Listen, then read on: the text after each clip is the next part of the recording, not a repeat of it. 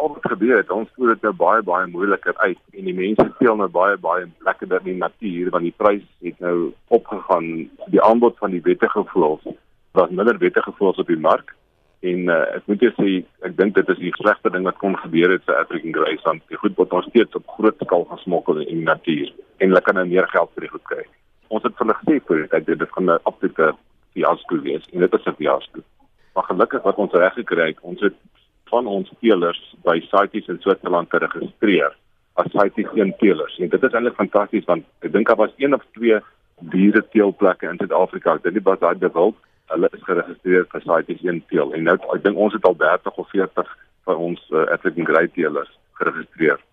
So mense sou steeds een kon kry, maar hulle sal hom moet uh, die, die regte prosesse koop en seker maak hulle weet waar hy vandaan kom. Ja, maar jy jy moet nie te veel verwag nie. African Grey is op site 1, maar jy mag hom heeltemal beter aanhou want hy is nie 'n indringerstees nie, hy is 'n gewone stees. So, mense wat 'n African Grey wil hê, kan hom by. Dit wat jy beter want dan jy nie vir wat wat jy nie net maar 'n ringnek partytjie. Dit is 'n indringerstees en jy jy mag hom nie ander taalbe gee vir met.